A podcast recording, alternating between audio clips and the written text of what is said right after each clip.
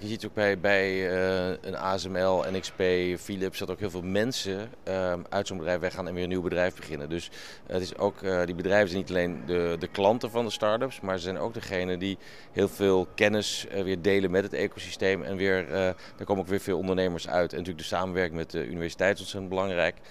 Uh, dit soort bedrijven trekken ook heel veel talent van het buitenland aan, waardoor je veel meer uitwisseling en diversiteit krijgt. Dus allemaal factoren die van belang zijn om een uh, heel bloeiend ecosysteem hier te hebben.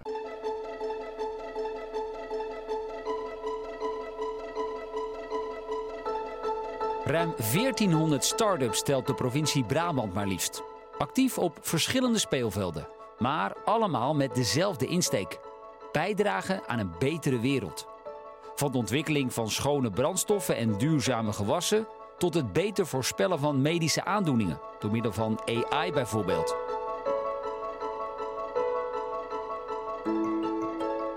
Dit is Het Geheim van Brabant. Een podcastserie van MT Sprout over het economische succes van deze provincie. Ik ben John van Schagen en ben op zoek naar het antwoord op die vraag. Want wat is dat geheim eigenlijk? Met in deze vijfde en laatste aflevering wereldverbeteraars. Onlangs werd in het Evaluon in Eindhoven de Brabant 40 uitgereikt. Dat is een nieuwe competitie voor de beste start-ups uit de provincie. In deze aflevering hoor je de drie finalisten. Ik ga met ze in gesprek over hun bedrijf, de markt die ze voor ogen hebben en het product dat daarvoor nog moet worden klaargestoomd. En natuurlijk, want daar gaat het in deze reeks over, hoe het ecosysteem in Brabant hen daarbij helpt. In deze aflevering gaat het vooral over de begeleiding die start-ups krijgen. Mijn naam is Nick van Andel en ik ben de co-founder van AgroExact. Nou, wat wij doen is dat wij aan agrariërs precieze inzichten in lokale weersomstandigheden uh, bieden. Uh, aangevuld met bodemvochtigheidstoestanden, microklimaten in gewassen. En dat doen we via onze uh, eigen app. En we hebben ook ons eigen sensornetwerk om die data ook op te wekken en dus uh, te presenteren in uh, onze applicatie. Om eigenlijk ja, akkerbouwers, tuinders en telers ja, van de juiste lokale weersinformatie uh, te voorzien. Zodat zij goed hun werkzaamheden in kunnen plannen, ondanks dat het weer tegenwoordig steeds ja, gekker, extremer, veranderlijker aan het worden is. Nou, wat de gemiddelde agrariër eraan heeft, kunnen we heel goed zien in onze bezoekersstatistieken. Uh, dat wij een enorme piek zien in uh, onze appbezoeken, eigenlijk zo rond het ontbijt. Uh, en als we dan gaan navragen aan de gebruikers, joh, waarom kijk je ochtends bij ons op de app? Dan is het eigenlijk, ja, dan begint de planning van de dag. Dus afhankelijk van de weersomstandigheden die tot dat moment zijn geweest, kan men een planning maken waar het weer geschikt voor is om uit te voeren. En bijvoorbeeld op een dag als vandaag gaat het om het oogsten ja, welke percelen zijn geschikt om uh, te oogsten, om de oogst binnen te halen, waardoor ja, uiteindelijk de opbrengsten voor het hele jaar uh, bepaald wordt. Um, ja, dat wordt gepland aan de hand van het weer. Is het waar schijnt de zon, waar kan ik gaan starten? Want als het heel erg nat is, ja, dan krijg je een natte bende uh, in je opslag. Dat wil je ook niet.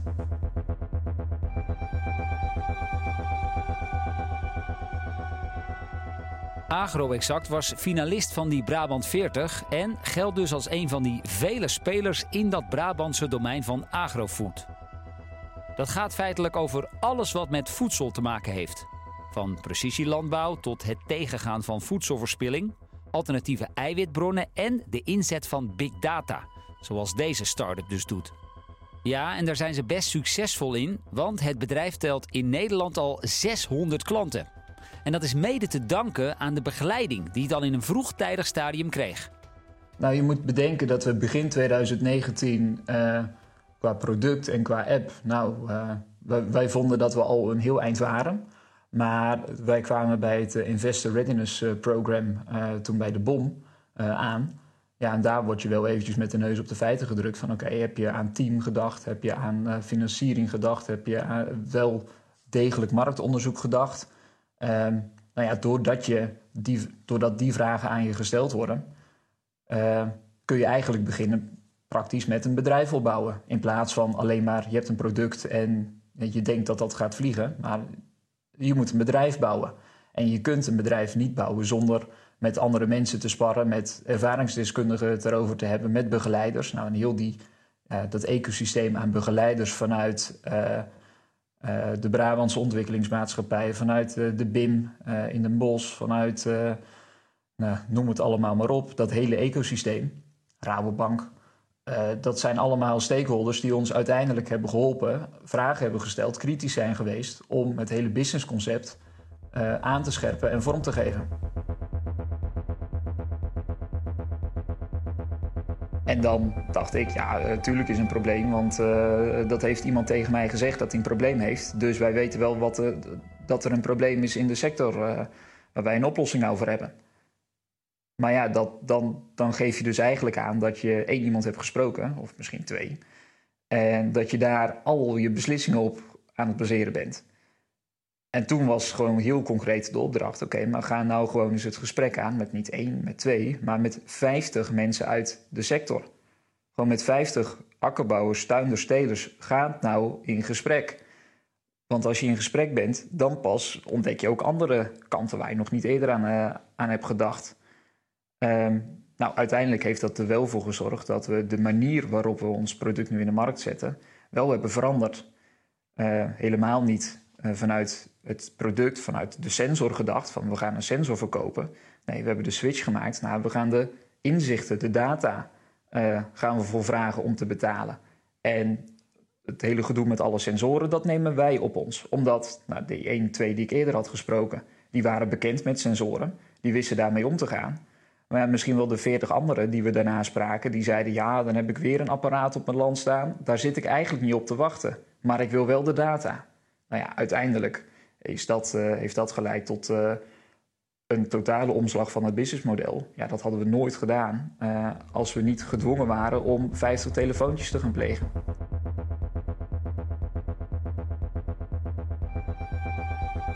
Mijn naam is uh, Danjing Wu. Ik ben de co-founder en CEO van VivartX. Bij VivartX focussen we op de ontwikkeling van het maken van een ondersteuningsmateriaal. Um, dus een supportmateriaal voor cellen om uit te groeien tot gezond weefsel. En uh, ons doel is om borstkankerpatiënten te helpen uh, na vettransplantatie de getransplanteerde cellen eigenlijk in leven te houden en daarmee uit te groeien tot gezond borstweefsel. Het idee is uh, ontstaan uit uh, academisch onderzoek. Dus uh, we doen al jaren onderzoek naar op welke manieren cellen een ondersteuning nodig heeft. Dus ook wel bekend als matrix. Um, ja, op welke manier moeten cellen sturen, laten groeien. En dat doen we allemaal met behulp van biomaterialen. En daar is jarenlang onderzoek naar gedaan door mijn professor Patricia Dankers.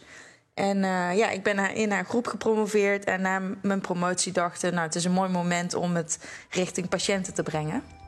Dus zodoende dat we VivaTech zijn gestart. Haar start-up bestaat nu officieel één jaar, maar Dang Jing is al sinds 2021 bezig met businessvalidatie. En onlangs scoorde ze haar eerste funding. Er zijn nog wel wat uitdagingen. Nou, heb je een uur? nee, um, de uitdagingen, ja, het lastige is um, verschillende aspecten. Dus heb je aan de businesskant fundraising, maar ook de plannen, dus uh, je re regelgeving. Hoe, hoe ziet dat eruit voor het ontwikkelen van een medisch product? Klinische eh, roadmap, dus welke patiënten ga je includeren? Um, hoe ziet het product eruit als, als het daar op de markt komt? Uh, wordt het überhaupt vergoed? Dus allerlei dat soort zaken. Maar aan de andere kant de technische aspecten natuurlijk ook tijdens de ontwikkeling. Dus uh, ja, hoe gaan we dit maken tot een product dat precies werkt uh, in de handen van een arts? Uh, alles volgens kwaliteitssystemen. Dus um, um, ja, ik denk dat je als bedrijf altijd uitdagingen blijft hebben. Brainport regio moet ik zeggen, ik stond er heel erg van te kijken dat we heel veel support kregen. Ik heb uh, destijds uh, iemand bij de BOM ontmoet en die heeft me aangeraden om mee te doen met het Investment Readiness programma. Um, en dat heeft me heel erg geholpen om het bedrijf en plannen scherper te krijgen. Dus daar moesten bijvoorbeeld uh, eh, 50 klanten, in ons geval artsen, interviewen. En op die manier kon je eigenlijk probleem en oplossing veel beter in kaart brengen. Um, en daar heb ik dus ook een fantastische business developer ontmoet die me eigenlijk best wel veel heeft geholpen met hè, plannen concreter maken, fundraising. Um, ja, echt de eerste stappen zetten tot een bedrijf. Um, ja, en daarnaast uh, bij de Gate um, hebben bieden ze ook support aan met business development. En denken ze ook altijd mee met stappen. De nieuwe business developers die hebben ook echt ervaring met de markt, bijvoorbeeld marktstudies. Dus voor ieder verschillend aspect ja, zoek ik dan daar verschillende hulp bij. Uh, het is wel een wisselwerking, dus, uh, dus wij trokken daar ook heel hard aan. Uh, maar aan de andere kant kregen we ook echt intensieve ondersteuning vanuit het ecosysteem. En heel veel mensen zijn echt bereid om te helpen. maar je moet zelf wel progressie laten zien en, en, en ook echt om, vraag, om hulp vragen, zeg maar.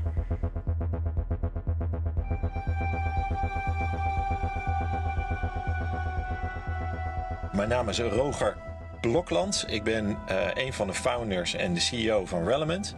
Uh, ja, met Relevant werken wij aan een wereld waarin materialen van uh, duurzame grondstoffen zijn gemaakt en niet langer van aardolie.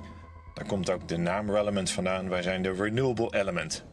Wij werken met onze producten, dat zijn vooral chemische ingrediënten, om materialen te maken. Vooral aan moeilijk te recyclen materialen. Dat zijn bijvoorbeeld verf, of, uh, composietmaterialen of lijmen.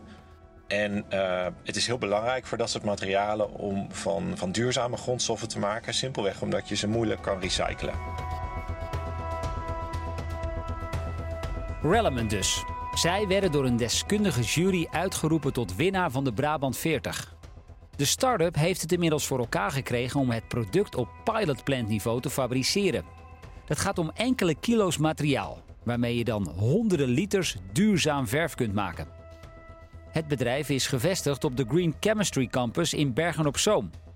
Hier werken ondernemers, overheden en kennisinstellingen aan de ontwikkeling van nieuwe duurzame materialen en chemicaliën voor de bouwmaterialen en verpakkingsindustrie. We wilden fabricage doen in kleine hoeveelheden van ons materiaal. En Bergen op Zoom is eigenlijk een, een soort semi-industriële omgeving waarin dat heel goed zou kunnen. Later hebben wij besloten om uh, de eerste productie van uh, ons materiaal uit te besteden. Simpelweg omdat je dan investeringen uitspaart. Dus wij werken nu vooral met service providers, met bedrijven die voor derden, zoals wij, chemische materialen maken. Uh, dus ja, op dit moment hebben we de locatie in die zin niet heel hard nodig. Maar ja, we zitten daar ook graag omdat er onderzoek plaatsvindt van TNO. En er zitten nog een aantal andere chemische start-ups. Het is best lastig om, om een start-up in een ja, volwassen industrie zoals de chemie op te starten. Ook omdat je vaak veel kapitaal nodig hebt om, uh, om je product naar de markt te brengen of op te schalen. Ja, en dan is het wel prettig om met andere ja, startende ondernemingen ook uit te kunnen wisselen en van elkaar te leren.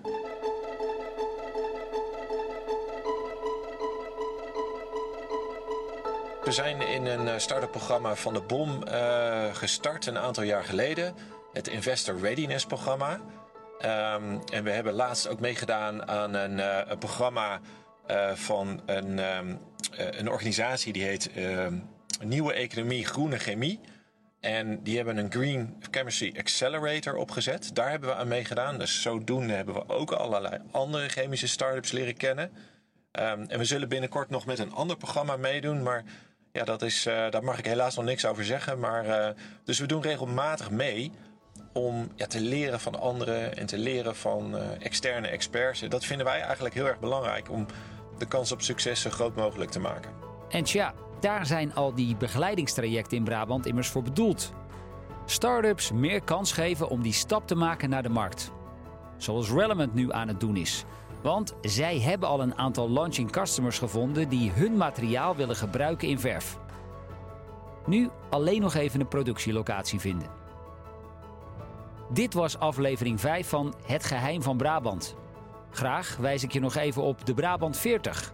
De lijst met de 40 meest veelbelovende start-ups uit de provincie. Meer info vind je op mtsprout.nl slash Brabant40. Bedankt voor het luisteren. Dag.